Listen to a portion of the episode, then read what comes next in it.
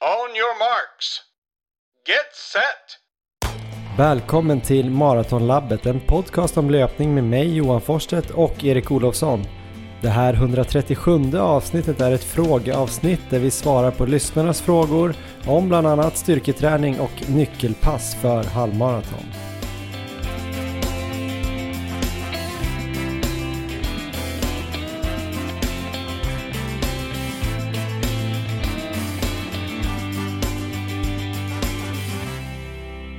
Ja, men det här är alltså podcasten Maratonlabbet och det här 137 avsnittet är alltså ett frågeavsnitt där jag, farbror Kramp och du Erik Olofsson, Nordens bästa 24 timmars löpare, ska svara på lite lyssnarfrågor. Det är ju semester fortfarande här så det kanske blir ett virrigt avsnitt igen, vad vet jag, men hur känns det med ett eh, frågeavsnitt Erik? Det känns alldeles underbart. Det ska bli jätteroligt. Det har kommit in massor av frågor sedan du la upp det här inlägget bara för någon dag sedan.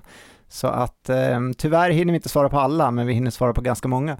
Och någonting annat som känns underbart är ditt nya smeknamn. Det, ja, det klingar bra, men det, det, kanske inte var så kul upplevelse när du drog på dig det. Nej, precis. Jag har ju sprungit eh, lopp här i eh, helgen som var. Nu är det eh, tisdag. Jag sprang i lördags då Salomon 27K uppe på fjällmaratonveckan i Årfjällen.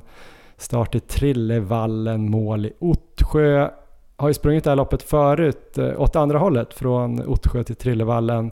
Fått kramp en gång och eh, senast jag sprang för två år sedan så höll jag igen ganska bra och fick lite krampkänning sista kilometerna men lyckades slippa det och eh, var väldigt nöjd med det loppet kommer jag ihåg. Det blev inte riktigt så den här gången. Följde du det här någonting? Jag försökte följa det. Jag var inne och kollade så här tidrapporter som aldrig kom in, men det jag fick se av loppet var ju två och en halv kilometer in tror jag.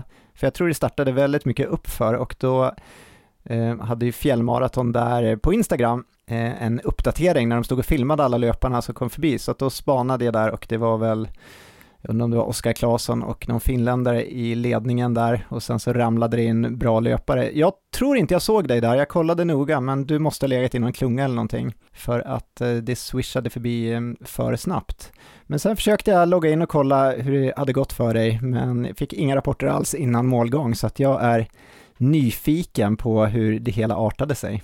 Ja men precis, jag tänkte kanske alla är inte så jätteintresserade av att höra hur det gick för mig i Salomon 27K just specifikt. Eh, det är inte alla som springer sådana här fjällopp men eh, jag tänkte bara jag skulle dra lite snabbt eh, uppladdningen faktiskt. Så man får en riktig holistisk race report här. Det här var ett lopp som jag trodde skulle ta då någonstans runt två timmar och en kvart, två timmar och 20 minuter. Det var ju kanske fjällens varmaste dag förutom runt midsommar tror jag det var ändå runt eh, ja, kanske 16-17 och sol vid starten men det var väl 2021 på fjället där under loppet. Eh, så jag visste att det skulle bli varmt, jag visste att jag skulle behöva få i mig energi. Jag hade ju laddat upp då med en halv liter Mårten då 320 i eh, en sån här uh, flaska som jag hade i min löpväst. Och så hade jag tre gels med mig Erik, så att eh, det borde ha blivit 80 gram kolhydrater i, i den här flaskan och eh, runt 75 då på de här tre gelsen. Det var det jag hade med mig. Jag tycker ändå att, eh, tycker att det känns rimligt då, ungefär 150 gram på drygt två timmar. Det känns rätt bra ändå va? Ja men det tycker jag känns bra. Så att det är ju i alla fall nära de här rekommendationerna vi, vi brukar få. Men då var det en normal koncentration då på sportdrycken gissar jag, på Mårten där va?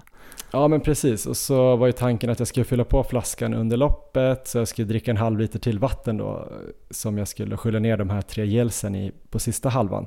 Det var min plan och jag hade tagit nitrat eh, i sån här pillerform under veckan, från tisdag i alla fall. Eh, och eh, dagen innan hade jag käkat eh, alltså inte jättemycket mat, men jag försökte få i mig mycket kolhydrater. Inspirerad av förra avsnittet då med Sofia Sundberg. Så hade jag först dels eh, inför mitt sista långpass eh, helgen innan eh, det här loppet så hade jag ju provat att eh, köra på åt, ungefär 8 gram kolhydrater per kilo kroppsvikt. Eh, hon snackar ju om 10-12 gram per kilo men jag vågade kanske inte gå så hårt. Det funkade bra på det här träningspasset så jag drack, eh, körde ungefär samma, drack typ 2 liter äppeljuice dagen innan det blir ju nästan 200 gram kolhydrater och jag skulle få i mig då någonstans runt eh, 550-600 tänkte jag. Så jag räknade på där rätt bra att jag fick i mig, jag käkade massa russin och bananer förutom då att jag åt bra. Eh, så ganska bra uppladdning också tycker jag. Och sista veckan drog jag ner rätt mycket på träningen. Jag brukar gilla att köra ungefär 50% av, av mängden som jag kör en vanlig vecka och då brukar jag räkna då, alltså jag brukar inte tänka med loppet då, utan så måndag till fredag så tänkte jag att jag en vanlig vecka brukar springa ungefär eh, 60-65 kilometer. Så jag var väl uppe på runt 30 32, en hel vilodag på torsdag när vi körde upp från torpet till Jämtland.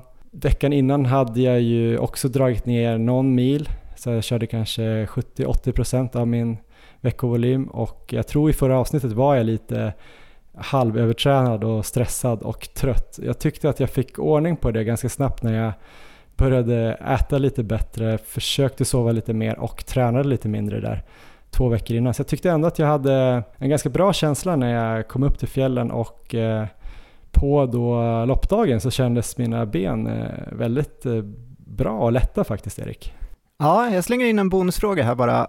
Ja. Jag, tänk, jag, tänker på styrketräningen. Nu har jag för mig att du har haft lite problem här på slutet att, att få in den styrketräningen du vill, men säg då med normala förutsättningar, hur skulle du göra med styrkan de sista två veckorna? Skulle du plocka bort den helt eller skulle du köra någonting näst sista veckan till exempel, om du nu ska ha en perfekt formtoppning? Mm, näst sista veckan skulle jag nog köra styrka, kanske i början av den veckan eller tisdag eller onsdag. Då skulle jag nog kunna köra ganska normalt om det då var tio dagar kvar till, till lopp. Uh, eventuellt skulle jag köra kanske lite, lite lättare och lite, lite mer explosivt och några färre reps. Men jag tror jag skulle kunna köra då.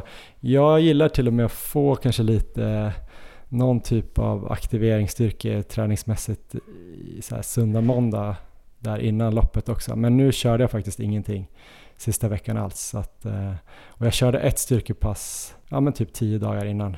Men det var inte jättetungt med stora vikter, det var lite mer kettlebell och, och den typen av, av träning. Ja, så det kändes eh, bra. Det kanske var dåligt att det kändes så bra för att eh, jag hade ju två taktiker egentligen kanske lite oklart att jag hade två olika och sen bara valde jag den dåliga. Men eh, jag hade ju en som, där jag hade kollat in banan och såg att eh, de första 16 kilometerna ungefär skulle vara nästan alla höjdmeter egentligen och det skulle vara 900 stod det då inför loppet eh, och jag såg att sista milen skulle mest vara nerför. Då hade man tagit alla de här tre stora topparna som man skulle upp på. Eh, så en tanke var ju att jag skulle hålla igen lite grann och sen då kunna göra väldigt mycket på sista milen när jag tycker då själv att jag är hyfsat bra på att springa utför och ganska lättsprunget utför där. Jag kände mig lite bra form på morgonen där så jag tror jag kanske fick lite hybris istället och gjorde helt tvärtom. jag, eh, loppet startade då på en grusväg upp från Trillevallens högfjällshotell upp till då typ där liftarna började, skidbackarna.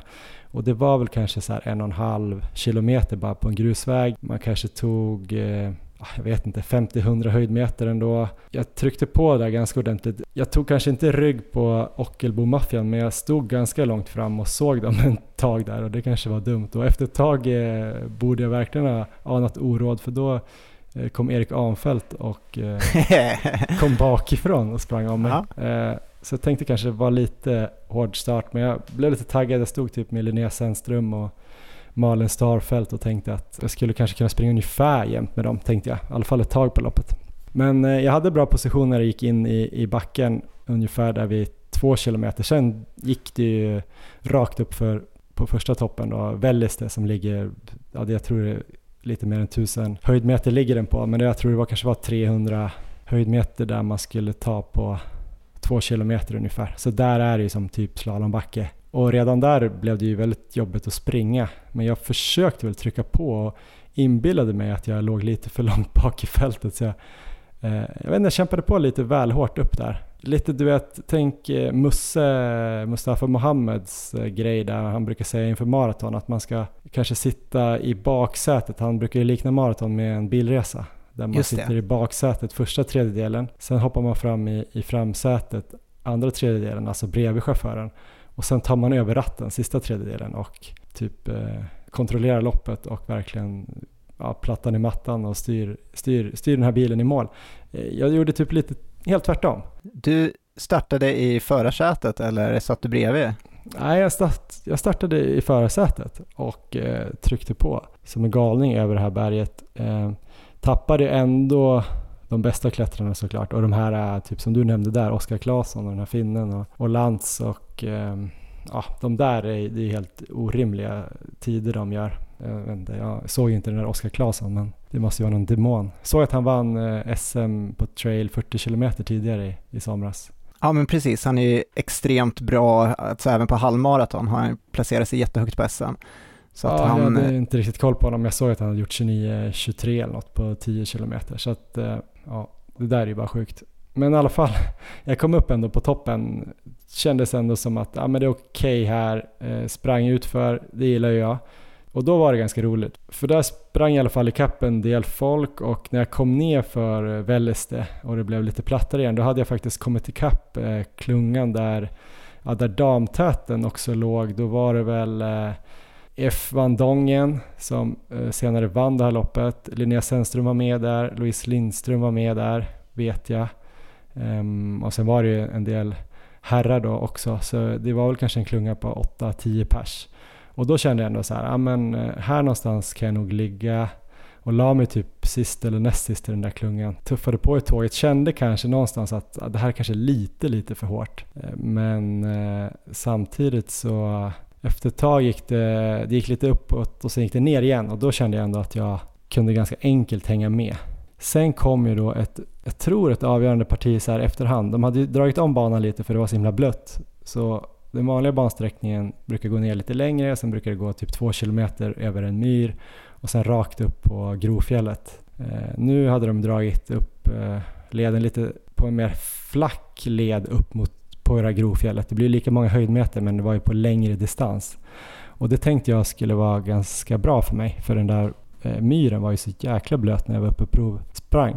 Men det visade sig att det här blev bara typ en ännu längre superlång myrlöpning med, eh, ja, med så lite uppför hela vägen. Det var lite spänger men det var mycket bara att man slängt ut sån här flis och bark och sådär för att det skulle bli lite torrt. Men det var väldigt, väldigt lerigt ändå, och blött och mjukt. Lite så här tjockmattekänsla springa i det liksom. Och även lite så här puckelpiss, det var lite så här ojämnt där för det var ingen riktig led där. Och så sån här undervegetation, alltså små rötter som slog så mot fötterna. Och, ja, där började det kännas riktigt eh, varmt också och då kände jag lite så här eh, den här banan är riktigt tuff alltså. Det är inte alla som typ vanliga människor som ens skulle typ kunna klara att springa här. alltså Johan, det låter ju som att det var hemskt bara hemskt. Var det så? då tänkte jag faktiskt på typ det här är hemskt bara hemskt och då, och då hade vi bara sprungit eh, ja, 6, 7, kanske 8 kilometer så var det två tredjedelar kvar. Jag kände att eh, nu har jag nog gått lite hårt. Eh, kände typ att nu måste jag nog sluta köra den här bilen och hoppa över i passagerarsätet fram i alla fall. Eh, vilket jag gjorde efter ett tag. Jag släppte de bästa i den här klungan sista biten upp på Grovfjället och tänkte att eh, jag får hålla igen lite så jag kan springa ut för sen. Ja men väl uppe ändå på andra toppen då, Grovfjället, så kändes det väl ändå ganska bra ändå att jag hade ju sett typ Erik Ahnfeldt på den här långa sträckningen upp mot det här fjället, vilket jag tyckte kändes helt orimligt. Vilket jag borde känt också att jag borde släppa. Men han hade ju lite fotproblem. Så han hade sagt till mig att eh, han skulle köra hårt uppför och ta det lite lugnt utför. Så jag tänkte ändå att jag inte kanske borde vara lika långt efter honom som en riktig, en riktig dag eller vanlig dag när han är, är helt eh, fullt frisk så att säga. Men jag kom upp typ på det där fjället samtidigt som Linnea Sennström.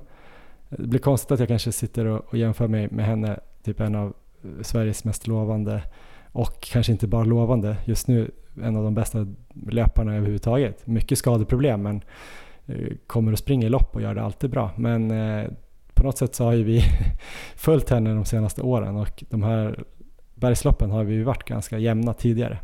Så därför kanske hon dyker upp här i min race report lite grann. Eh, på toppen där så, så var vi i alla fall ihop. Då kände jag att jag hade en bra, bra sträcka ner, sprang ifrån henne igen och även tror jag det var Louise Lindström.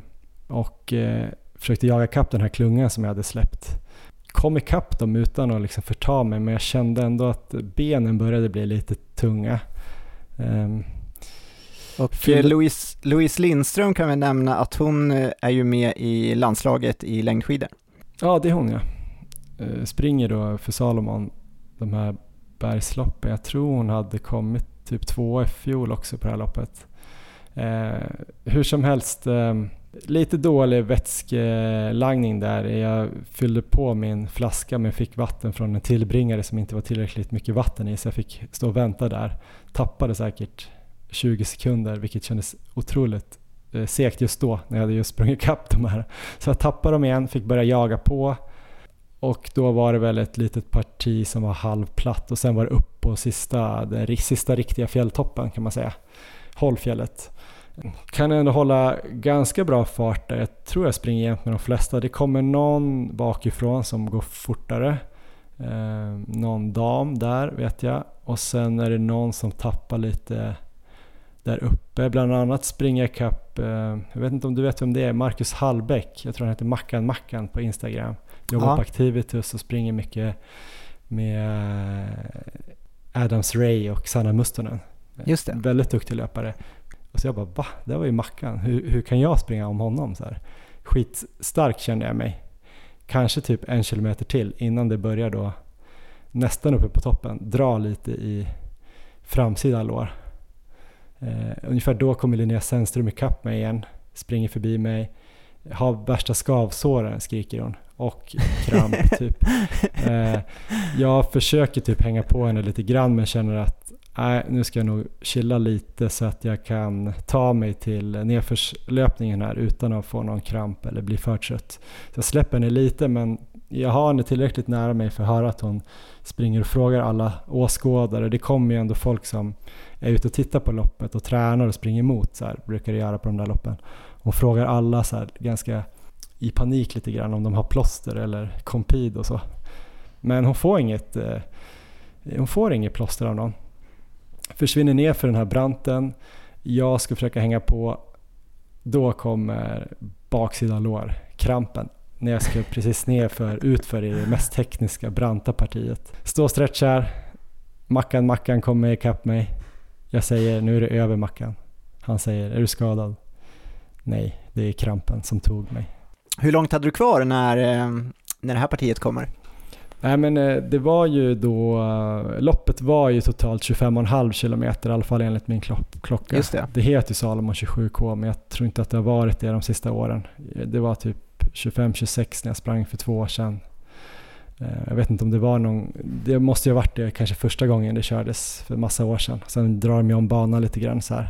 Jag såg lite försnack där inför, inför start där på, eh, på Instagram och då sa de att banan skulle vara 26 det här året för att de hade fått dra om lite grann. Så att det var ju tanken i alla fall från början.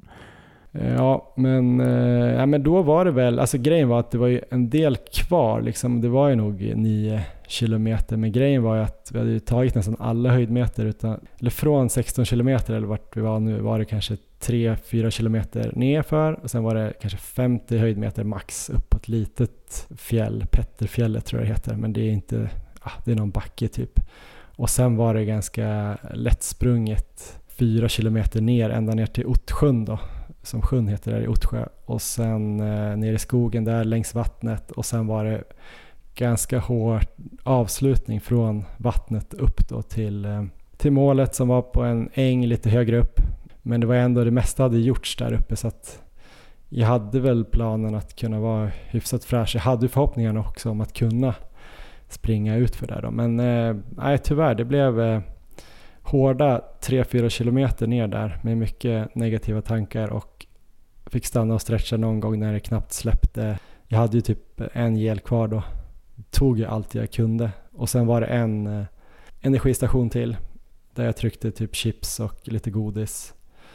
Sen kunde jag faktiskt eh, springa hjälpligt i målen då. Jag blev passerad av Edvard från eh, Fredrikshof. Eh, han sprang i Fredrikshof-kläder. Jag hörde bara bakifrån mig, jag visste inte att han heller skulle springa. Ropade Åh, där är ju Jämtlandssonen! så här på lite stockholmska joggade förbi mig fast han typ aldrig har sprungit i fjällen. Nej, det, det har han säkert gjort. Men eh, hur som helst, därifrån och ner gick det väl okej okay, och då kunde jag plocka någon placering. Så jag slutade väl 29, 2.23, hade väl hoppats som sagt komma under 2.20. Ganska besviken, inte just då på krampen. Det var liksom, det kan jag ju få, det kan ju alla få. Det var många som fick kramp på det här loppet. Man springer väl hårdare än vad man är tränad för helt enkelt. Ehm, kanske att jag skulle kunna må bra av att äh, testa att ta någon salttablett möjligtvis. Men framförallt skulle jag inte gått så hårt såklart. Och det var det jag var besviken över främst. Att jag slängde bort eh, loppet tidigt tror jag. Och jag är också besviken att jag inte kunde njuta så mycket av fjälllöpningen eftersom i början var jag kanske lite för trött för att tycka att det var riktigt härligt. Eh, det var mest ja, hemskt, bara hemskt på den där myren och varmt och jävligt. Och sen då när jag skulle ha mina bra partier då, då fick jag ju liksom kramp och då var jag mest bara arg. Så det var lite sådär. Men nu låter jag jättebitter. Jag är lite gladare nu. Men det sjuka var ju att eh, Linnea då, Sennström, vi kan ju komma tillbaka till det, som jag var jämsides med där uppe i princip när det bara var utförslöpningen och som sprang och, och hade skoskav och sådär. Hon sprang ju in på 2.13 höga och kom ju tvåa efter den här EF-fandongen som var väl 20 sekunder före. Så det är ganska sjukt på, på den där sista milen så tog hon ju 10 minuter på mig. Ja, så det visar ju lite på mitt ras och hur jävla bra hon eh, måste ha blivit på att springa utför. Ja, men vi får hylla Linnea tycker jag. Hon avslutade ju superstark där och var ju nära att ta hem segern så att hon eh, sprang igenom skoskaven ändå där. Eh, jag tycker vi ska hylla dig också Johan. Jag tycker du gjorde ett, eh, en riktigt bra kämpainsats med eh, med krampproblem på slutet också. Jag gissar att du inte sprang med pulsband. Jag återkommer till varför jag frågar det. Eller hade du Nej, det? Nej, jag gjorde faktiskt inte det. Jag känner det så här efterhand att det här loppet känner jag faktiskt att jag borde ha gjort det. Ja. Eh, till skillnad då från Göteborgsvarvet där jag kanske fasthåller eller vidhåller att jag inte borde ha gjort det heller. Jag gjorde jag inte heller. Men eh, på ett sånt här lopp när man inte kan typ räkna ut ungefär vad man borde kunna ligga i och det är lite svårt Alltså man ska ju såklart kunna känna känslan men det är lite både pumpen och benen på ett sånt här lopp. Så jag tror kanske att jag borde ha kört med pulsband, eller vad tänkte du? Ja, men jag är fortfarande lite inne på det. Det har ju, varit min teori här ett tag att de loppen när du hamnar ganska högt i puls rätt tidigt och springer liksom i det stadiet ganska mycket, då känns det som att du får kramp lite lättare. Det var så jag hade analyserat det förut i alla fall. Sen så har jag inte kunnat analysera på slutet för du har slutat springa med pulsband. Ehm, men det är omöjligt att säga såklart vad det beror på, eller det är väl många faktorer, men jag tror du är inne på rätt saker, att det var den här hårda starten där som gjorde i alla fall att krampen kom så tidigt, annars hade du säkert kunnat hållit ut betydligt längre om du hade följt den ursprungliga planen. Mm. Ja, men det hade nog också hjälpt mig att pacea mig själv. Jag tror jag blev lite ivrig, började tävla lite väl tidigt eh, mot andra löpare istället för att tänka på att jag skulle tävla mot backen eller banan som jag kanske gjorde lite mer när det gick lite bättre i fjol när vi sprang 50 km loppet där i Bydalen. Då var jag ju väldigt lugn första tredjedelen och växte in i loppet. Ja, du behöver mig som broms i början av fjälloppen. Ligga bakom mig som du gjorde där i Bydalen. Så det hade varit det, bra. Ja. Um, ja, men nej men uh, det är också så här lite grann hur, jag vet inte hur besviken man får bli när man är så här halvtaskig amatörlöpare. Men Eh, var rätt besviken där. Eh, har väl hämtat upp det lite nu. Lite bättre humör. Tänker väl också att ibland kanske man eh, ska spänna bågen också man kanske inte alltid ska springa lite fekt och få till hyfsade tider ganska ofta utan ibland kanske man måste gå lite för hårt och satsa på något riktigt bra. Och så kanske man spränger sig ganska ofta men ja, jag vet inte. Jag försökte i alla fall. Ja, men det tycker jag är en bra poäng. Så det, det tror jag är en bra strategi för många, men kanske inte om man ska springa sitt första maraton. Då rekommenderar vi nog att man kör den lugna taktiken i början och försöker hålla hela vägen. Men eh, spännande att höra, bra jobbat Johan! Kul, var blev du sugen nu? Springa lite mer fjällopp Erik? Eh, inte ett dugg. Det var otroligt dålig reklam för fjällopp för, för, för mig då. Jag är kanske andra som blir sugna, men eh, om jag var osugen innan så, så vidhåller jag det. Men eh, hittar du någon solig dag så kan vi gå upp och jogga lite på fjället och eh, stanna och kolla på utsikten och sådär. Då är jag, då, det är jag med på. Ja, men vad har du gjort då istället för att springa i fjällen? Jag har varit uppe i Lappland även eh, de här senaste två veckorna. Jag tror jag satt i Arjeplog när vi spelade in senast. Nu har jag faktiskt min sista kväll här och sen så reser jag söderut imorgon.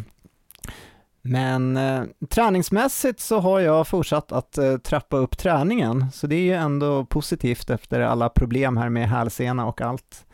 Bara sprungit i lugna farter, men börjar få in en hel del långpass. Inget längre än fyra mil ska jag säga, men jag känner ändå att eh, det är på rätt väg. Jag fick in 135 kilometer förra veckan, eller för två veckor sedan och sen så 175 kilometer förra veckan. Så att det har trappats upp och jag börjar närma mig de volymerna jag vill ligga på, även om jag inte riktigt är där ännu. Sen så är väl eh, statusen på hälsenan eh, är lite, eh, ja den varierar kan man väl säga. Jag känner av den på alla pass egentligen och det är som att det är en känning som sitter på insidan av vänster hälsena, en punkt ganska högt upp och känningen om jag ska försöka beskriva den, det är som att det strålar ut ibland, så det är ingen enorm smärta på något sätt, men man känner liksom att det inte är som tidigare och eh, ibland när den blir lite mer intensiv så har jag faktiskt valt att bryta, så att jag har ju eh, brutit ett par pass här de sista två veckorna, kanske tre, fyra pass, där jag istället har blivit hämtad. Men eh, om man jämför med hur det varit tidigare så har det ändå varit ett klart steg framåt, för jag har ändå haft fyra mils pass också som har gått vägen och där jag liksom har kunnat avsluta mycket bättre än, än vad det känts i början, så att det är liksom släppt under passen. Eh, så just nu tycker jag ändå att det fungerar. Jag kan träna bra. Jag kan inte träna riktigt på samma sätt som jag skulle gjort om jag var helt fri från känningar. Då skulle jag haft en lite annat upplägg, men jag känner ändå att om statusen är som den är nu så kommer jag ändå kunna förbereda mig relativt bra för EM. Och jag ska tillägga också att det här är, det går ju lite emot mina normala principer nu att springa med känning här på många pass.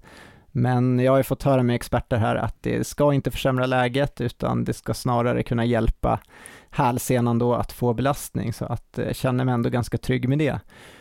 Och idag, bara någon timme här innan vi började spela in, så var jag ute och sprang tre mil och det måste jag ändå säga var det bästa passet jag har eh, haft här sen, eh, ja, ja, sen jag fick problem med hälsenan egentligen. Idag kände jag bara lite första kilometern, sen släppte det helt så att jag kunde springa 29 kilometer utan att känna det alls. Så att eventuellt så eh, kan det liksom vara på väg att lösas. Jag håller verkligen tummarna för det och eh, hoppas att det ska fortsätta så här. Så att eh, just nu så känner jag mig väldigt förhoppningsfull.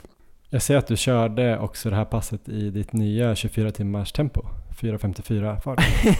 ja, men det, det kanske också är en av grejerna som gör att det både i går och idag känns lite bättre, att jag har ökat på farten lite grann på det här passen. Så Eh, det gick lite snabbare idag, det var nog också för att det var så kul att springa när man plötsligt inte sprang runt med en känning och behövde liksom känna efter hela tiden, för det har jag känt också, att det inte eh, det har inte varit lika roligt att träna som det var till exempel inför SM. Då var det ju både liksom full yttre motivation med eh, mästerskapet men också en stark inre motivation, bara att det är så härligt att vara ute och springa.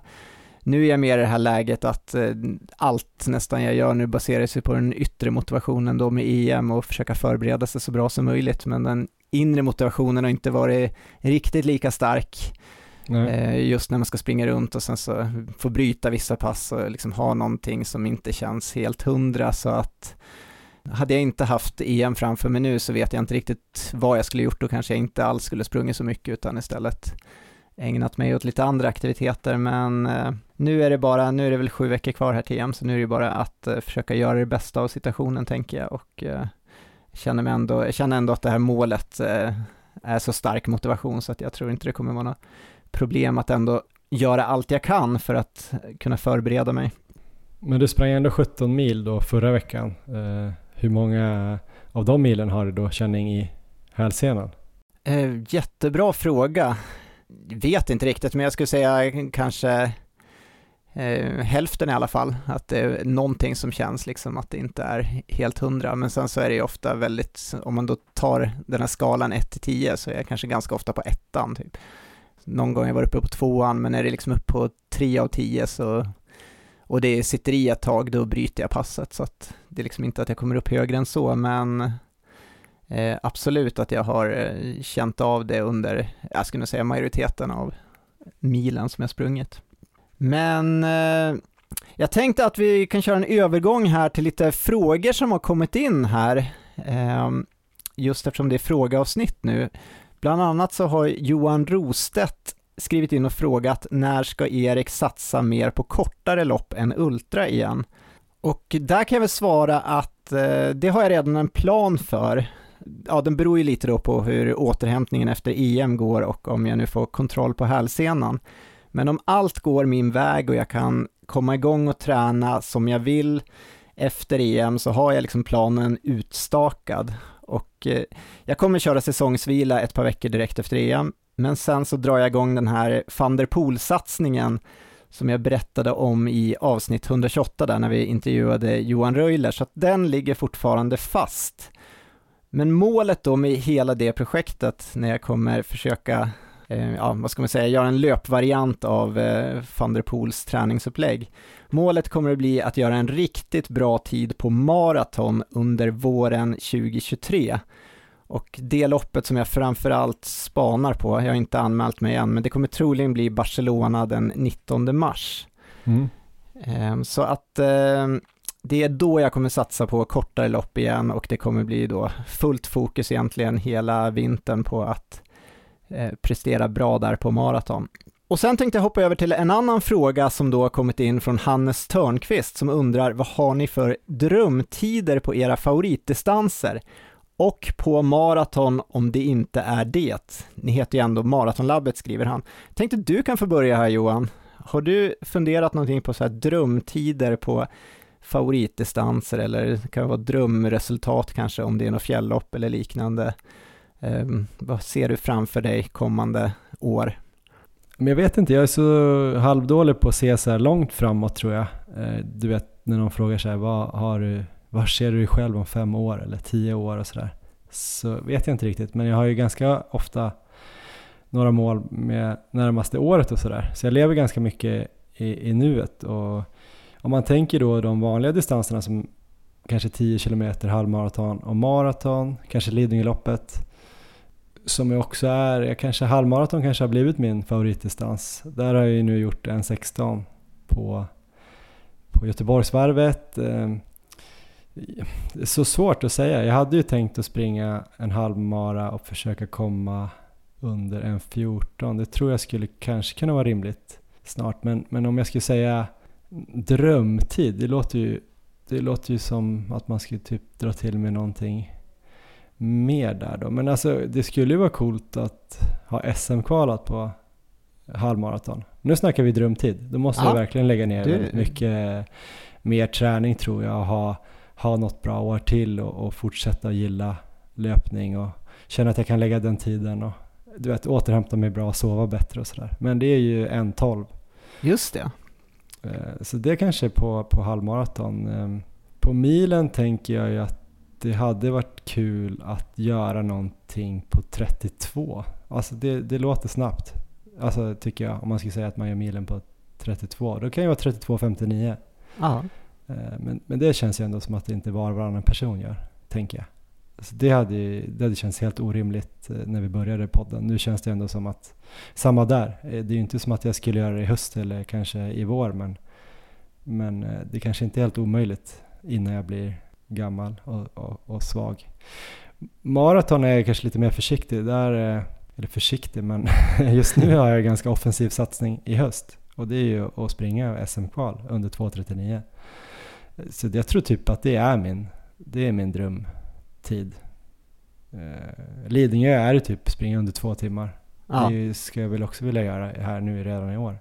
Men sen har jag svårt att se att, ja men sen då ska jag göra en 57 på Lidingö. Eller det blir så himla, ja det blir så långt till nästa drömgräns där. Och samma på maraton. Om, om jag skulle göra under 2.40 säger vi. Då vet jag inte om jag skulle orka träna mot 2.35. Men sen, det är ju ganska långt till 2.30 som säkert är ditt drömmål där. Eller? Um, det kan jag komma till alldeles strax här. Jag tror ju att um, ja, men 1.12 fixar det, jag tror det fixar de andra målen också.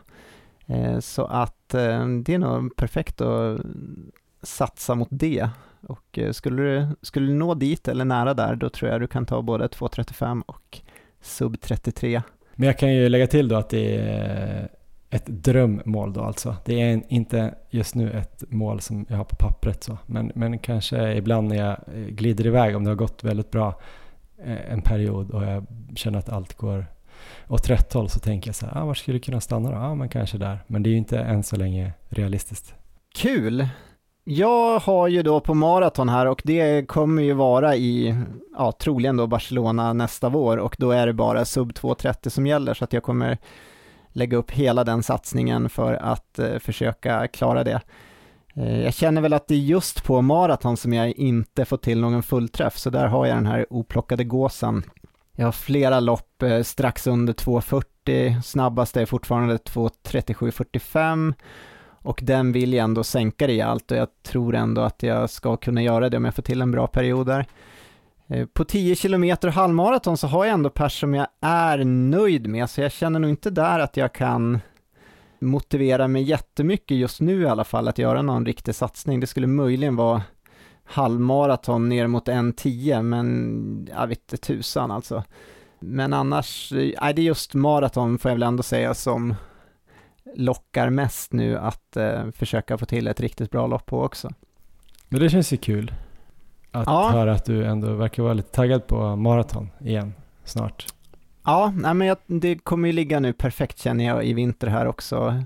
Eh, kan jag återhämta mig efter EM och sen så få köra det här projektet som jag är supertaggad på och eh, att det fungerar då som det ska. Men det, jag har väl förhoppning om att det ska göra det och då kommer ju, mm, om man säger den här tröskelperioden när det kommer in, det kommer ju vara otroligt mycket i just den farten då i, i tempo för sub 2.30. Um, ehm, så att det kommer väl bli ja, väldigt många mil där och även mycket tröskel då på cykel. Den här, förhoppningsvis då på slutet så ska ju den här sub 2.30 farten på maraton eh, inte riktigt vara tröskel utan förhoppningen ska ju vara att eh, 3.33 ändå ska vara eh, lite, lite lättare.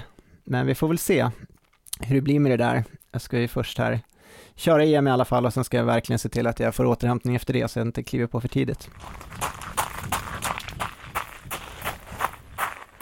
Yes, vi har ju tjuvstartat här lite grann med två lyssnarfrågor. Innan vi går vidare med massa fler frågor så tänkte vi att vi skulle tacka vår samarbetspartner Löplabbet lite grann. Eh, Löplabbet är ju som ni vet vid det här laget Sveriges största och bästa butikskedja för löpare med åtta fysiska butiker och så löplabbet.se.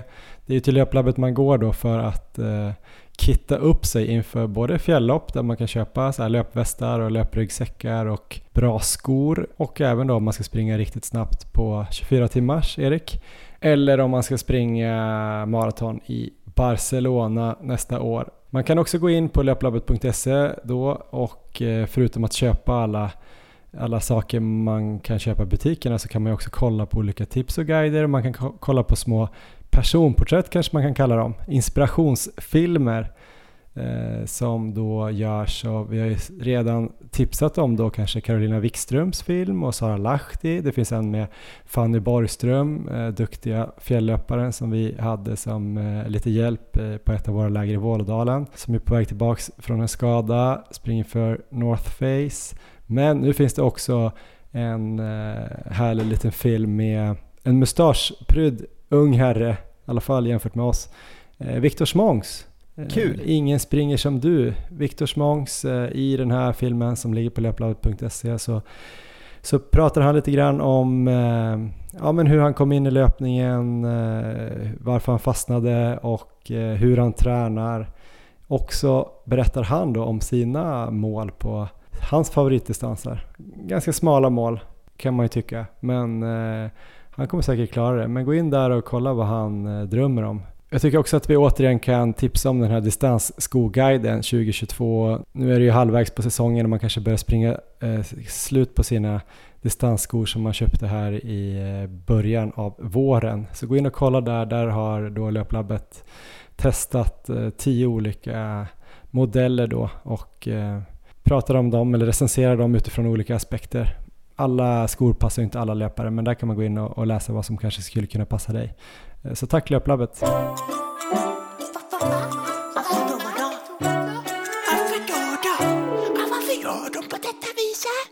Ja, men då kör vi vidare lite med några frågor till här då Erik. Eh, jag har en från Run Steff Run. Han vill ha förslag på ett pass för att stämma av form inför ett halvmaraton med syftet att då få en uppfattning om vilken utgångsfart man kan hålla på tävlingen. Eh, jag har några förslag där. Har du någonting konkret eller ska jag köra? Kör du Johan. Vi har säkert pratat om det här förut men jag tycker att eh, några pass som jag har gillat att köra och som har stämt väldigt, väldigt bra för mig i alla fall. Det är då 3 gånger 4 km i halvmaratonfart med eh, 500 meters eh, joggvila emellan de här intervallerna och eh, då ska kanske joggvilan vara 45 till 60 sekunder långsammare än halvmaratonfarten. Så har man sin halvmaratonfart på 4.00 så kan man köra då 4 km 4.00, 500 meter i ja, någonstans 4.50, 4 km i 4.00 och sen 500 meter i 4.50 och sen 4 km 4.00. Det tycker jag har varit ett bra pass som, eh, när jag har klarat en viss tid på det passet så har jag faktiskt sprungit halvmaran på samma. Jag tycker också att kanske springa ett pass eller en tävling på 10 km i en hård träningsperiod eh, utan att kanske trycka ut de där sista, sista 2-3 kilometerna tycker jag också brukar stämma ganska bra. Speciellt om man gör typ 8-10 km på träning. Ett ganska hårt tempo med runt tröskel brukar man ju typ eh, kunna då hålla 11 km till på ett lopp även om man tycker det är helt sjukt på det träningspasset. Ja, typ de två passen skulle jag ju kunna tipsa om. Nu senast inför Göteborgsvarvet så var ju tanken att köra 7 gånger 2 km i halvmarafart med en minuts joggvila för att jag skulle göra lite som Sara Lahti. Nu gjorde jag ju 6 gånger 2 km i min halvmarafart som jag också då lyckades hålla på Göteborgsvarvet. Och eh, ja, men de här passen kanske man gör 8 till 11 dagar innan sitt lopp eller 9 dagar till 11 dagar innan. Grejen är att de här passen är ju lättare än halvmaran så vissa kanske tycker hur ska man kunna klara ett halvmaraton om man precis klarar det här på ett pass. Men tanken är ju det här att det är slutet av en uppbyggnadsperiod, du kanske är lite nedtränad, kört ett eh, hårt pass kanske tre dagar innan, du har inte perfekt uppladdning inför loppet eller inför det här träningspasset. Du kanske inte har massa publik, det är inte tävling så man höjer sig ju några procent till sen. Typ så, vissa tycker kanske att 3 gånger 5 km är ett bättre pass och då skulle jag säga att man nästan garanterat klarar sin, sitt, sitt halvmaraton. För det är ganska hårt pass. Ja men absolut, 15 kilometer i halvmaratonfart låter ganska hårt. Men jag kommer ihåg vi hade med Lorenzo där i vårt avsnitt om just halvmaraton och han hade väl ganska tufft eh, Undrar om inte de körde typ 3 gånger 6 kilometer? Ja, jag tror det var något sånt. Så att det går ju att köra mycket också men eh, jag vet inte om jag riktigt skulle våga att köra så många kilometer just. Då ska det nog vara lite längre ifrån loppet tror jag i alla fall om man inte vet vad eh, ens halvmaratonfart är innan då, om man verkligen inte har någon koll, då kanske man ska tänka, om man vet sin tröskelpuls, då kan man ju testa springa ah, kanske 8-10 kilometer, säg fem slag under tröskel eller alltså börja där någonstans och så kanske krypa upp mot tröskel men inte riktigt gå upp hela vägen. Eh, då skulle jag tippa också att det är den farten du håller där kan du nog, så kan du nog starta på, på loppet. Eller om du har sprungit en 10 km lopp, eh, då kan du kanske plussa på 10-15 sekunder per kilometer. Om du är bra tränad då för distansen. Det var några tips. Har du någon fler frågor Erik? Nej, jag kan väl bara tillägga att jag själv har ju upplevt att har jag kört till exempel ett 10 km lopp cirka två veckor innan en halvmara så har det ofta varit väldigt formdrivande pass.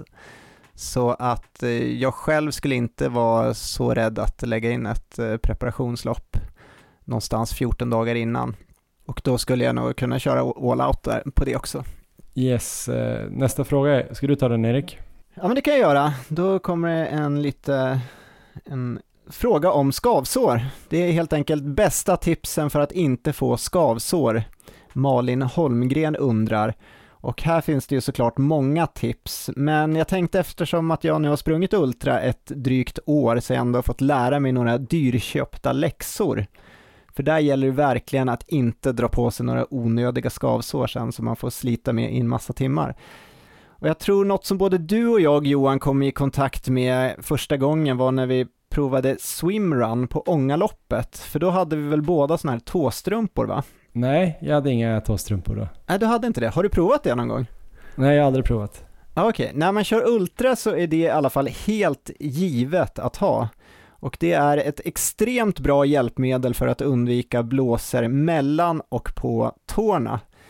Så jag springer alla mina lopp i det, om man tänker maraton och eh, distanser som är längre, men jag har även börjat köra det på alla längre löppass nu. Eh, och det är ju, ja, otroligt bra hjälpmedel för att undvika blåser just där då, mellan och på tårna och de finns också att köpa på löplabbet. Eh, så att eh, där har vi ett tips. Eh, har du några ytterligare tips du vill slänga in om skavsår Johan?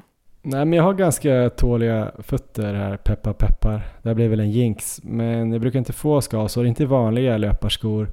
Men eh, om jag har ett par nya skor som känns lite hårda någonstans så brukar jag bara sätta en vanlig sån här äh, skadetejp, alltså typ en sån här vit som man tejpar fotleder med. Eh, eller en sån här som heter leukoplast eller vad det heter, en sån här Just det, den är bra. en sån brun. Ja. Eh, så sätter jag en sån eh, brun på lite olika ställen där jag kan tänka mig att det skulle kunna eh, skava lite. Och då känns det som att eh, man liksom förebygger det så man aldrig får det där skavsåret. Och sen springer man så några gånger och sen brukar det, den huden ha, ha, ha vant sig lite grann. Eller att skorna har blivit lite mjukare. Så då brukar man ju inte behöva komma dit. Att man behöver börja köra med kompid och sånt. Men det var länge sedan jag hade ett skavsår faktiskt. Ja, men sån här leukoplast är väldigt bra för hälarna tycker jag. Och sen så är jag också inför till exempel 24 timmars lopp så smörjer jag in fötterna med chiasmör på morgonen för att de ska vara lite mjukare och därmed också kunna undvika att få skavsår. Så ehm, ja, där hade vi lite tips i alla fall om skavsår. Får hoppas att Linnea Sandström lyssnade också. var det skavsår på fötterna det här gällde eller var det överhuvudtaget? För annars är ju ja, men vaselin eh, bra på olika delar av kroppen. Och, det är sant, eh, det är jättebra. För då blir det inte samma friktion. Det kan ju ibland vara så att man får typ skavsår, man springer i linne och typ kommer åt med sin stora biceps på eh, latsen eller någonting. Jag vet inte om det är ett så vanligt problem för löpare. Nej men du vet, det kan komma på olika ställen när man springer typ maraton. Så, så då kan man bara smörja in hela sig själv i en vaselin. Hoppa in i en sån badtunna med vaselin. Ja. Bästa svaret på det här frågeavsnittet. Köp ja, en badtunna, men... fyll den med massa vaselin, bada i den innan nästa maraton. Ja, vi, vi stannar Och där tycker jag. bada gärna med tåstrumpor. Grymt Johan, ska vi gå vidare? Ja, ja men det här är Run Tornedalen som frågar då om man ska springa ett maraton i oktober, vilka lopp hade ni siktat på i september? Då har hon då huvudmål London Marathon, jag har kollat upp det i 2 oktober. Och så frågar hon då, vad har vi för erfarenheter? Har det funkat bra att springa i september eller har det slitit mer än byggt form? Eh, ska man springa millopp för att eh, få träna lite i överfart eller ska man springa en halvmara och om man springer då halvmara ska man testa marafarten eller ska man köra all out? Har du några erfarenheter? Har du provat att springa typ något lopp två till fyra veckor innan en mara och vad har du valt då?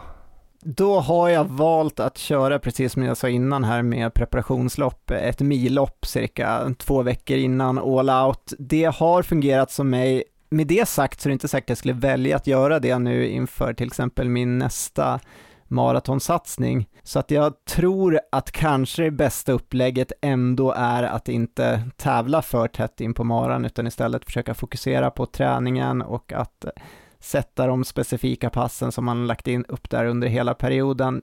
Jag tror kanske det är det bästa upplägget, men något jag skulle rekommendera där är väl kanske Stockholm halvmaraton. Jag tror det ligger den 19 någonstans där i alla fall i september. Säg att det är två veckor innan i alla fall. Då tycker jag man kan använda det som ett eh, testlopp inför eh, maran där man kör i tänkt marafart, man får träna på energiplan och eh, alla de bitarna. Det tycker jag kan vara ett perfekt förberedande pass inför London Marathon sen. Men däremot skulle man köra all out på det loppet så tror jag att det blir för tufft. Så jag tror inte en halvmara all out två veckor innan är något bra upplägg. Det blir liksom för hårt. Mm. Så ungefär så tänker jag. Vad tycker du? Ja, men jag håller med i stort. Ehm, jag tycker om man ska springa något lopp eh, så kanske man ska sikta på en halvmara. Men ska man springa typ två veckor innan då, typ Stockholm Marathon, 17 eh, såg jag att det var här nu, yes. Eh, lördag 17 september, tycker att man ska springa det i sin marafart och då är det det sista, kanske riktigt hårda marapasset innan då London. Sen kanske man trappar ner på träningen. Ehm, ska man springa en hård halvmara om man tänker typ att man är i så jävla bra form som man vill passa på, då tror jag man ska kanske göra det, ja, kanske första helgen i september, alltså att det ska vara nästan fyra veckor kvar. Det skulle kunna vara en idé då. Eh, då vet jag inte vad man ska kolla på. Då kanske, jag vet inte om det är Helsingborg då. Jag vet att det är ett lopp i Drammen, ett platt eh, lopp som jag hade tänkt att springa. Nu verkar det inte bli så. Men, eh, men det är nog mitt eh, mitt tips också, kanske springa Stockholm och testa marafarten och testa liksom uppvärmningen, testa energiplanen, testa eh, dagen innan uppladdningen och gör så likt som möjligt som du ska göra i London. Eh, så ta mer gel än vad man kanske skulle gjort på en halvmara men bara få prova det. Och tänk att det är en, en halv mara istället för en halvmara. Men eh, det här med 10 km skulle ju säkert funka. Man ska kanske inte vara alltför rädd för det. Men jag tänker lite kanske att eh, det är lite det här andra energisystemet. Kanske att man springer mycket hårdare än en mara. Alltså det är inte lika specifikt som en halvmara kanske. Men, eh, och sen är alla olika. För mig sliter det ganska mycket att springa ett hårt lopp som jag satsar riktigt hårt på. Ganska nära ett annat huvudmål. Vissa andra bygger ju mycket form genom att tävla mycket. Så det beror lite på hur man är själv också. Det är bara att testa sig fram helt enkelt. Man får, men fungerar någonting väldigt bra på ett maraton, då kan man ju ha det med sig sen att eh, kolla på den uppladdningen och gå tillbaka och se vad som fungerar. Och även tvärtom såklart, så får man, man lär sig allt eftersom hur man fungerar själv. Yes. Nästa fråga Erik.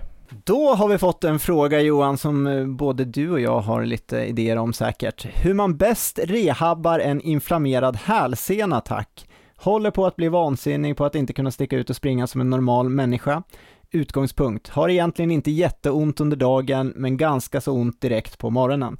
Därutöver um i hälsenan vid beröring massage. Vad göra för att komma tillbaka och kunna börja springa igen? Och den här frågan kom in på Instagram från Olsson Mind. Då har jag fått ett meddelande på min privata Instagram som jag tänkte läsa upp här. Det kommer kanske komma lite som svar här till Olsson Mind samtidigt och till alla andra som kan tänkas ha problem med det här. Och det stod så här. Tjena, hoppas allt är bra med dig. Jag har ett tips till dig. Har också problem med mina hälsenor, inflammation i båda och har testat allt. Stötvågor, tåhäv med mera, men det som funkade allra bäst och det som gör att jag kan springa utan, i alla fall inte med så mycket smärta är massage och massage med en virknål.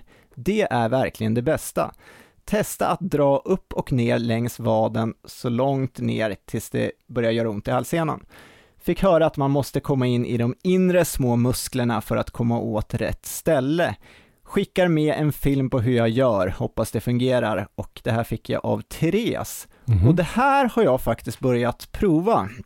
Så jag har nog säkert kört på i fem dagar här morgon och kväll. Alltså typ att man spetsar sig själv med en virknål eller att man drar en upp och ner som en kavel?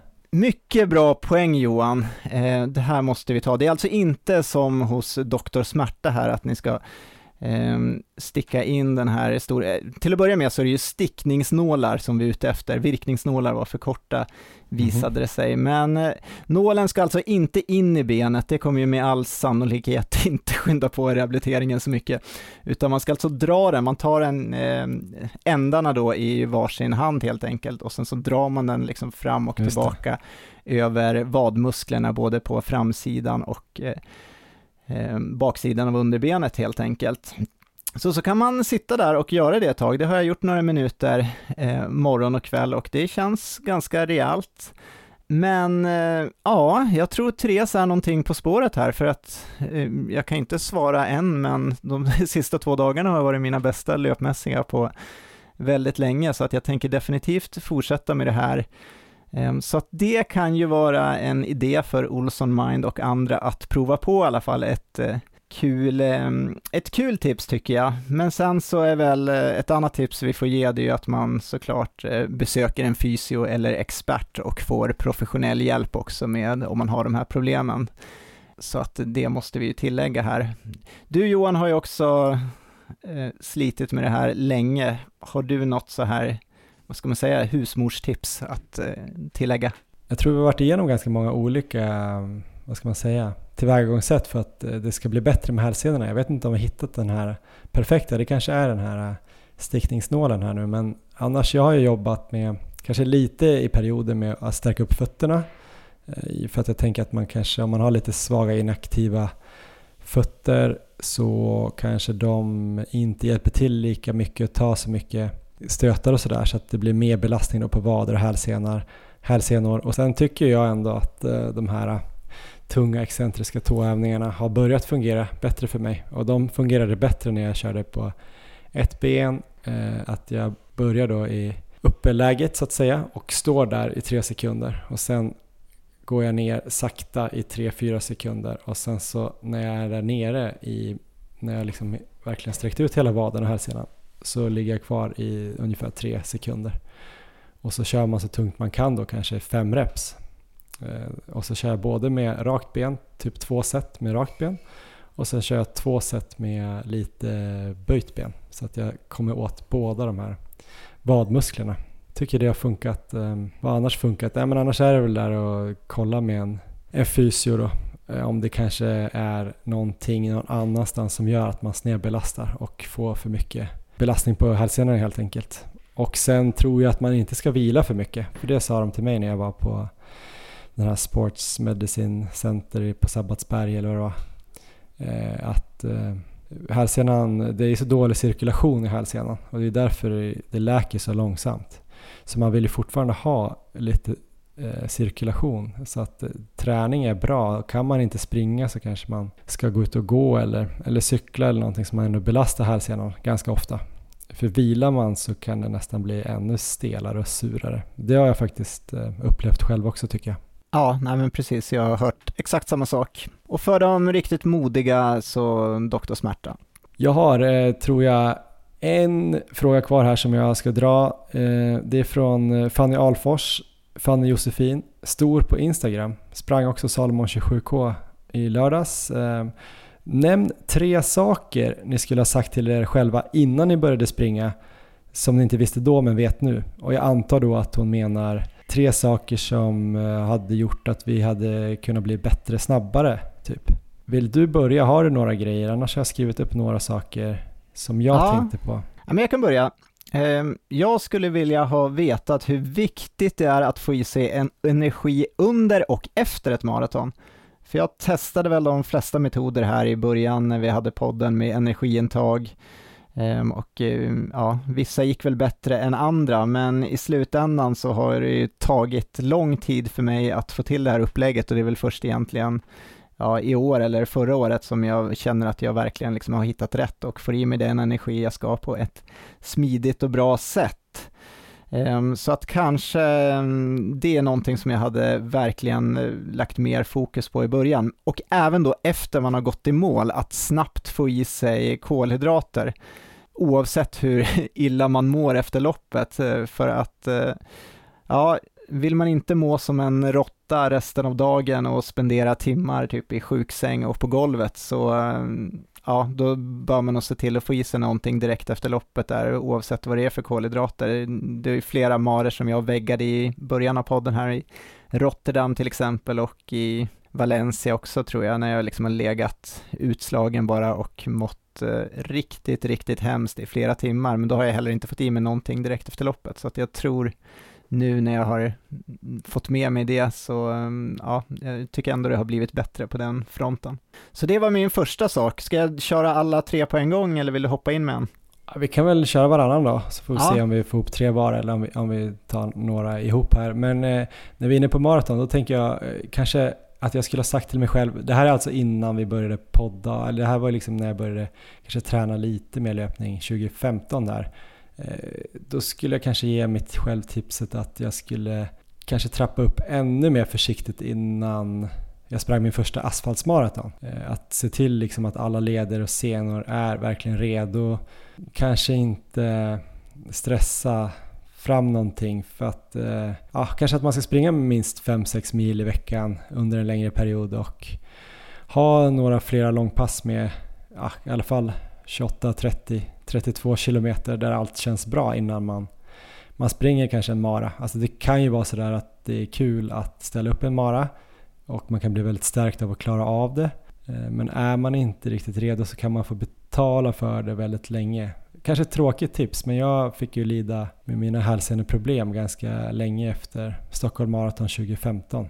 Så det kanske var ett onödigt lopp att springa på ett sätt. Då kör jag mitt andra här och eh, ja, vilken betydelse de lugna distanspassen verkligen har för att utvecklas som löpare, för det visste jag inte när vi började och då var det väl ofta lite stress och sådär när man var ute och sprang, att allt skulle kanske gå i en viss fart och eh, man låg på en betydligt större ansträngning än vad jag egentligen hade behövt göra och riskerade mycket mer. Ehm, så att nu när man har fått den kunskapen, eh, att vad de lugna distanspassen verkligen ger och att man då har möjlighet att springa både mer njutbart och eh, mycket mer totalt sett också. Det är ju fantastiskt för att utvecklas som löpare så att eh, det har jag fått lära mig under de här åren, men det visste jag verkligen inte när vi började. Jag tror kanske att jag hade börjat springa lite så här, något lugnt pass i veckan innan vi började podden. Att jag kanske sprang tre till fyra pass där året innan. Och då körde jag i alla fall ett lugnt. Men jag, men jag vet inte om det lugna passet var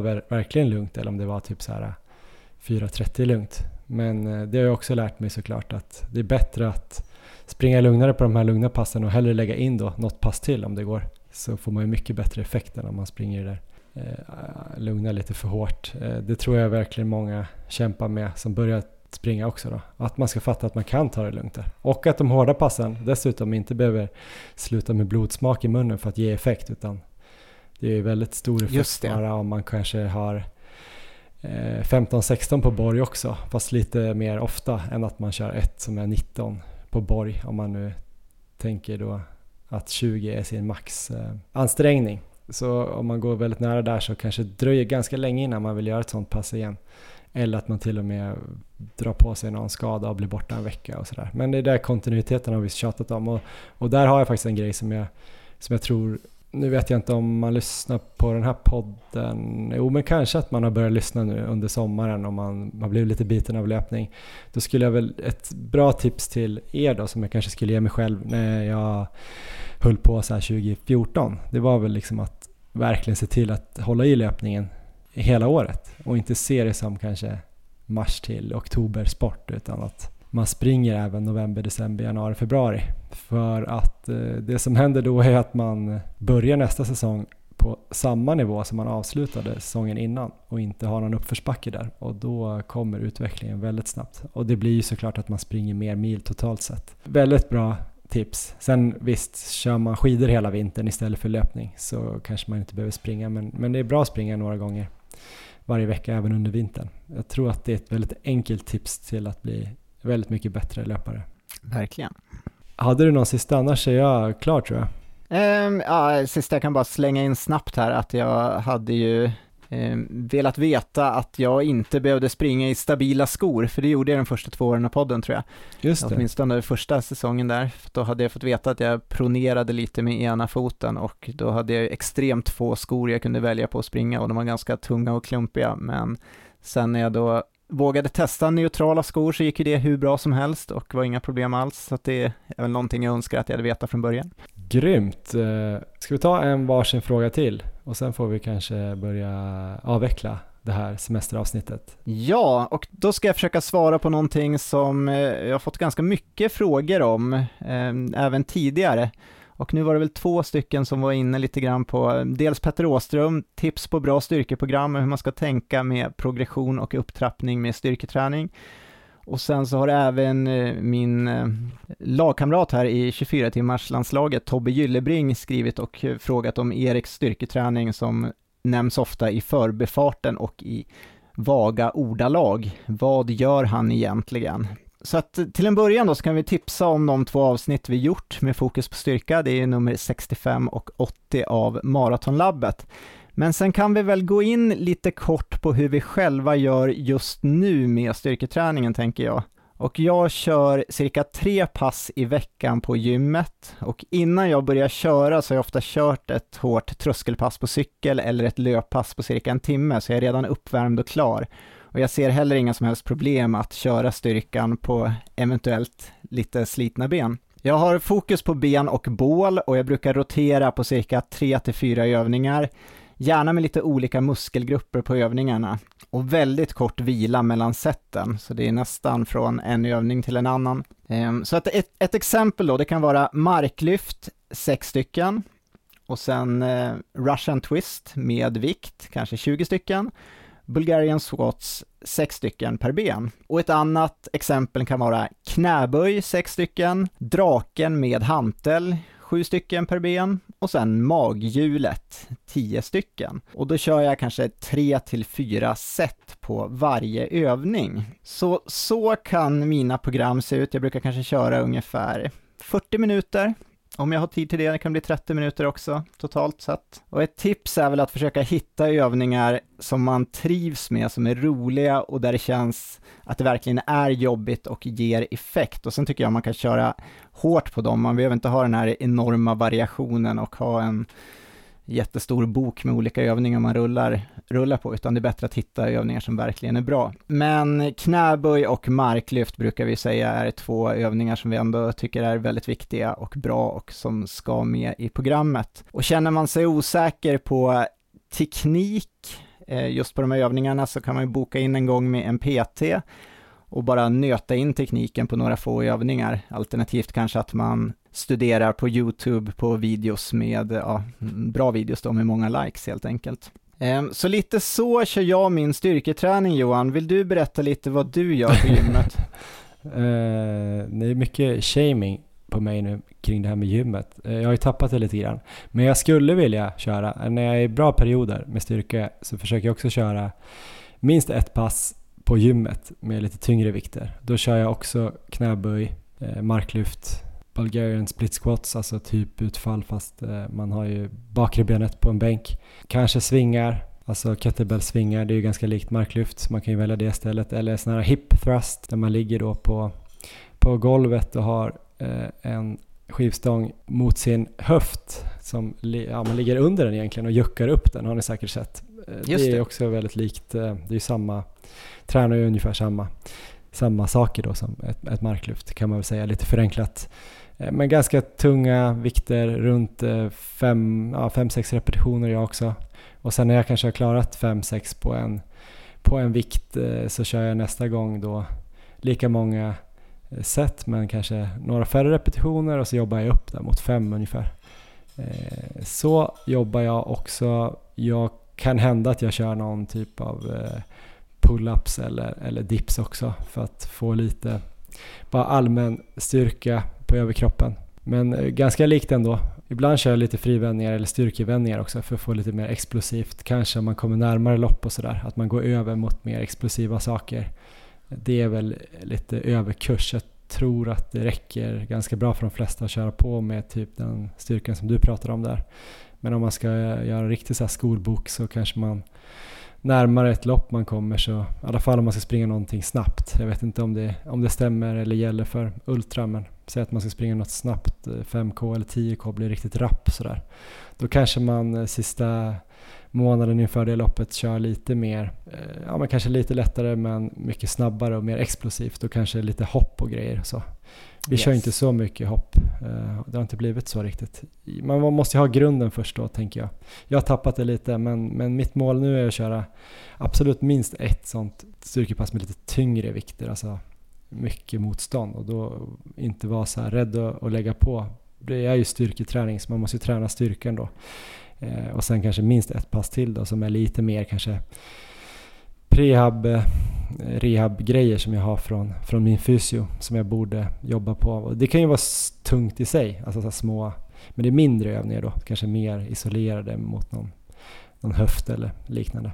Men jag önskar att jag kunde köra lite mer och jag känner nu efter att jag känner mig svag i backen där upp till Vällestes topp så känner jag att eh, jag borde köra mer utfall och eh, knäböj. Jag kände att benen tog slut, alltså styrkemässigt, lite innan pulsen gjorde det, eller andningen. Så att, eh, styrka är ju ganska kul också, tycker vi. Ja men det tycker vi och kan vi bara betona det att kör man sådana här tunga övningar som till exempel marklyft, att man kör i första sättet på lite lättare vikt och sen så ökar på lite successivt så man inte går direkt på eh, de tyngsta vikterna.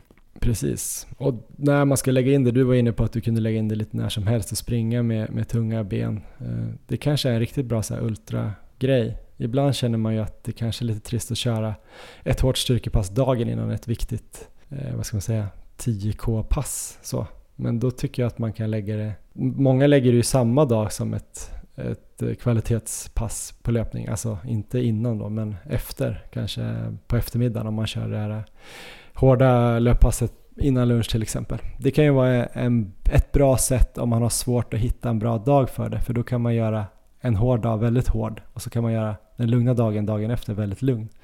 Men jag brukar nog gilla att kanske köra det dagen efter ett hårdare pass om jag kan. Eh, och sen kanske ha minst en dag till innan nästa eh, hårda löppass.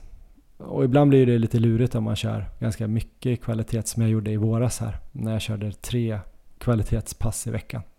Då är det lite lurigt när man ska lägga in det men då får man kanske offra något pass och vara lite tung i början. Men jag upplever också att jag får ganska bra eh, alltså spänning och fjong i benen när jag kör styrka. Att jag aktiverar då under styrketräningen alla mina muskelfibrer, även i det här eh, det explosiva spannet. Ungefär som när man gör backsprints, att man liksom kan jobba lite med alla muskelfibrer. Och då kan passet typ dagen efter kännas nästan ännu bättre. I alla fall till en början. Grymt, så ungefär så kör vi med styrkan just nu. Ja, vi tar en sista fråga. Det får bli en kort här från Thomas XXX lite inne på styrka också. Han frågar då hur mycket har Erik bänkat som mest och kanske inte så mycket kring styrka, men rakar Johan fortfarande benen? Spännande. Spännande. Ska jag börja då? Jag vet inte om ja. man kan säga att jag fortfarande rakar benen. Jag tror jag gjorde det en gång och det var väl inför Frankfurt Marathon 2018 om jag inte missminner mig. Det var det. Um, jag tror kanske det är enda gången. Jag kan ha gjort det någon gång till. Jag kommer ihåg att eh, jag inte tyckte det var riktigt värt det. Jag kommer ihåg att det tog ganska lång tid, lite något sår här och där. Jag kände att eh, jag fick stå i en ställning i duschen som gjorde att jag blev lite stel i baksida lår. Jag tänkte också, det kanske var en bra upplevelse att förstå då vad många tjejer har då gjort i, i, i hela sina liv. Att jag blev imponerad av dem, fast jag tycker inte att det behöver vara ett sånt ideal i samhället. Men eh, jag fick lite förståelse där, att det var eh, rätt stort projekt. Jag tyckte i och för sig att mina ben såg lite starkare och snabbare ut, men jag tror inte att jag blev starkare och snabbare. Så jag gör det inte längre. Du då Erik? Eh, men jag vill eh, börja fundera på att eh, eventuellt göra det, framförallt eftersom att jag har en son här, Leon, som har kollat lite på friidrotts-VM nu och där eh, gör väl alla det i princip, så att han undrar ju såklart varför inte jag gör det, utan så han tycker att jag ska göra det nu inför EM här för att eh, kunna springa längre. Så att, ehm, ja, vi får se hur det ja, blir. Men gör det i sådana fall, du ska få ett tips. Gör det första gången då kanske en vecka innan eller något, i lite ja. lugn och ro. Kanske sitta i badet eller något, lyssna på lite musik, tända ett doftljus kanske, ha något bra eh, skum eller någonting. Har alla lyssnarna den här bilden framför sig? ja, ta din tid. Eh, och sen kan du bara trimma, eller så här, köra lite snabbt eh, Ja. typ dagar innan så det blir riktigt bra.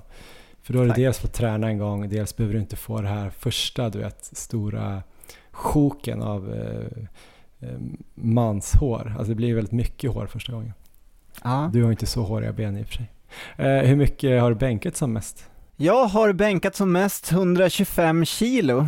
Det är ganska långt ifrån vad jag skulle bänka nu tror jag. Men jag hade ju en period där i, ja nu är det länge sedan, när jag körde väldigt mycket styrketräning och inte alls den styrketräning jag kör nu. Nu kör jag ingen bänk alls. Men då var det väldigt mycket fokus på bänk och eh, biceps och eh, ja, helt enkelt den styrketräningen jag väljer bort nu. Eh, Så att då, eh, då var jag bra i den övningen. Jag Mm. undrar vad jag skulle ta nu. Jag körde väl det där, var det 2019 tror jag, när det var en sån här bänklöpning i Uppsala. När man skulle alltså springa 5 kilometer all out och sen fick man eh, bänka då så mycket man kunde. Man hade tre försök, så då tror jag jag kom upp i kanske 90 kilo. Så att det är väl någonstans där jag skulle gissa att jag ligger nu. Men eh, det var bättre förr. 102,5 tror jag mitt pers är faktiskt. Det kan ja, man men inte det är tro. inte dåligt. Drömgräns. Ja, över 100. Modern tid kanske typ runt 90 när jag bodde i, i Paris där och gick på Crossfit-gym. Eh, sen dess kanske, nu kanske 62,5 möjligtvis. ja, nej, men det var eh, frågeavsnitt. Jag hoppas att eh, ni som har fått era frågor besvarade är hyfsat nöjda och att ni andra också har, har fått någon ny input om någonting. Om inte annat det här med, med vaselinpoolen och eh, hur Erik ska raka benen inför EM. Eh, Ja. ja. Men förutom det då Erik, träna på raka benen, vad ska du göra härnäst framöver då? Jag eh, reser ner imorgon bitti och sen så är det bara en snabb mellanlandning i Uppsala, sen ska jag ner på landslagsläger i Skåne. Eller landslagssamling kanske vi ska kalla det för, för det är bara två dagar där. Ja. Ehm, Så det ska bli kul att träffa alla i teamet där, alla löpare och alla ledare som ska med ner till Verona. Ehm, Så det ser jag fram emot, det ska bli superkul. Och sen efter det så har jag sex veckor då framöver där jag hoppas kunna få in riktigt bra träning nu. Eh, så mycket löpning som jag nu fixar, men även lite eh, kvalitet på cykel tänker jag, styrketräningen då som jag har pratat om här. Och då tänker jag kanske att eh, den här veckan som jag har just nu ska ändå vara lite lugnare för det är mycket resdagar och så, men sen kommer jag ha två veckor som kommer vara riktigt mycket träning, en vecka där jag kanske går ner lite i volym och sen så två veckor till som är riktigt eh, tuffa och sen formtoppning och sen så är det EM helt enkelt. Så det är så jag ser det framför mig. Jag hoppas att den här sticknålen ska fortsätta hjälpa mig till att eh, få perfekta hälsenor framöver så att jag kan springa och ehm, njuta av passen som jag brukade göra förr i tiden. Det ja, för två månader sedan typ. Så det är det jag vill tillbaka till. ehm, men det tror jag kommer lösa sig. Jag är oerhört förhoppningsfull efter dagens pass. Så att eh, när vi pratar igen här om två veckor, då ska jag ha eh, fått in två riktigt bra veckor, hoppas jag. Själv då? Hur känns benen nu efter eh, loppet, nu när det har gått eh, några dagar? Ja, men de känns fortfarande lite eh, trötta och stela faktiskt. Eh, kändes ganska bra på kvällen där samma, samma dag, men sen eh, har det varit lite småsegt. Eh, Men jag har varit uppe och sprungit. Jag var kvar i Trillevallen här med familjen och en annan familj, så jag eh, var ju tvungen att springa upp lite på Välleste igen då och återuppleva då lite grann KBT det här loppet lite grann. Det var lite som att kanske komma till en lokal där man råkat bli lite för full och gjort något lite dumt så här. Och så kommer man till lokalen igen, typ nykter och tänker så här, "Nej, men varför, varför gjorde jag så här? Så var det lite grann att komma upp på, på Välleste. Jag säger inte att det har hänt det där första, men jag kan tänka mig in i folk som Ja, det har hänt så här Ja, för. Jag har ju aldrig gått över gränsen. Men då kom jag upp på det här berget och så tänkte jag lite så här, ja, men, att jag skämdes lite att jag sprang så hårt där. Men, men eh, jag kommer nog eh, ta den här veckan väldigt lugn har jag, har jag bestämt. Kanske även början av nästa vecka. För att eh, när vi sprang i fjol där i Bydalen gjorde jag väl misstaget att springa ett lite för hårt pass lite för tidigt och då fick jag sota för det med massa veckor där jag var ganska dålig och seg. Så jag ska försöka våga bara springa distans nu 7-10 dagar. Och sen börjar det väl någon satsning mot Lidingöloppet har jag en känsla av. Jag tror kanske inte att jag kommer springa 5000 typ på sommarspelen eller det här halvmaraloppet i Drammen av olika skäl. Där i Drammen kommer vi nog inte vara i Oslo den helgen som planerat och eh, det här 5000 metersloppet har jag än så länge inte blivit astaggad på. Och så tror jag nu att jag, för att fixa två timmar på Lidingöloppet så måste jag nog eh, vara ganska specifik framåt det och jag känner att jag fick en liten näsknäpp här i helgen. Så att jag tror jag måste tillbaka till ritbordet, lägga en bra plan och lägga in ganska specifik träning mot Lidingöloppet. Dels försöka springa där en, två gånger och sen springa lite trösklar på elljusspår. Den typen av träning och även hitta tillbaks in i gymmet lite grann. För jag tror att jag behöver putsa till benstyrkan lite grann för att fixa det. Det är min tanke.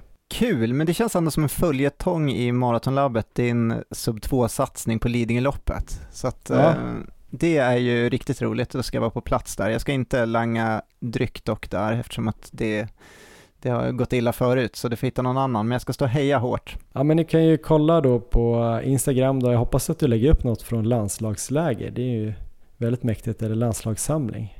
Och att du hinner lägga upp någonting jag får där springa något. på Maratonlabbet. Och sen eh, får vi kolla på Strava där om du kommer över 20 mil här snart igen. Ja, där det hoppas jag. Erik Olofsson, jag heter Johan Forsstedt. Se om det blir några tröskelvarv i, ja, jag vet inte, Kärrtorp eller något här framöver. Och eh, om två veckor kommer ett nytt avsnitt som kommer vara fantastiskt tror jag. Då kan vi inte skylla på semester igen. Just det, då är vi tillbaka. Ha det bra Erik, eh, trevlig resa söderöver. Vi hörs framöver. Tack så mycket, ha det bra.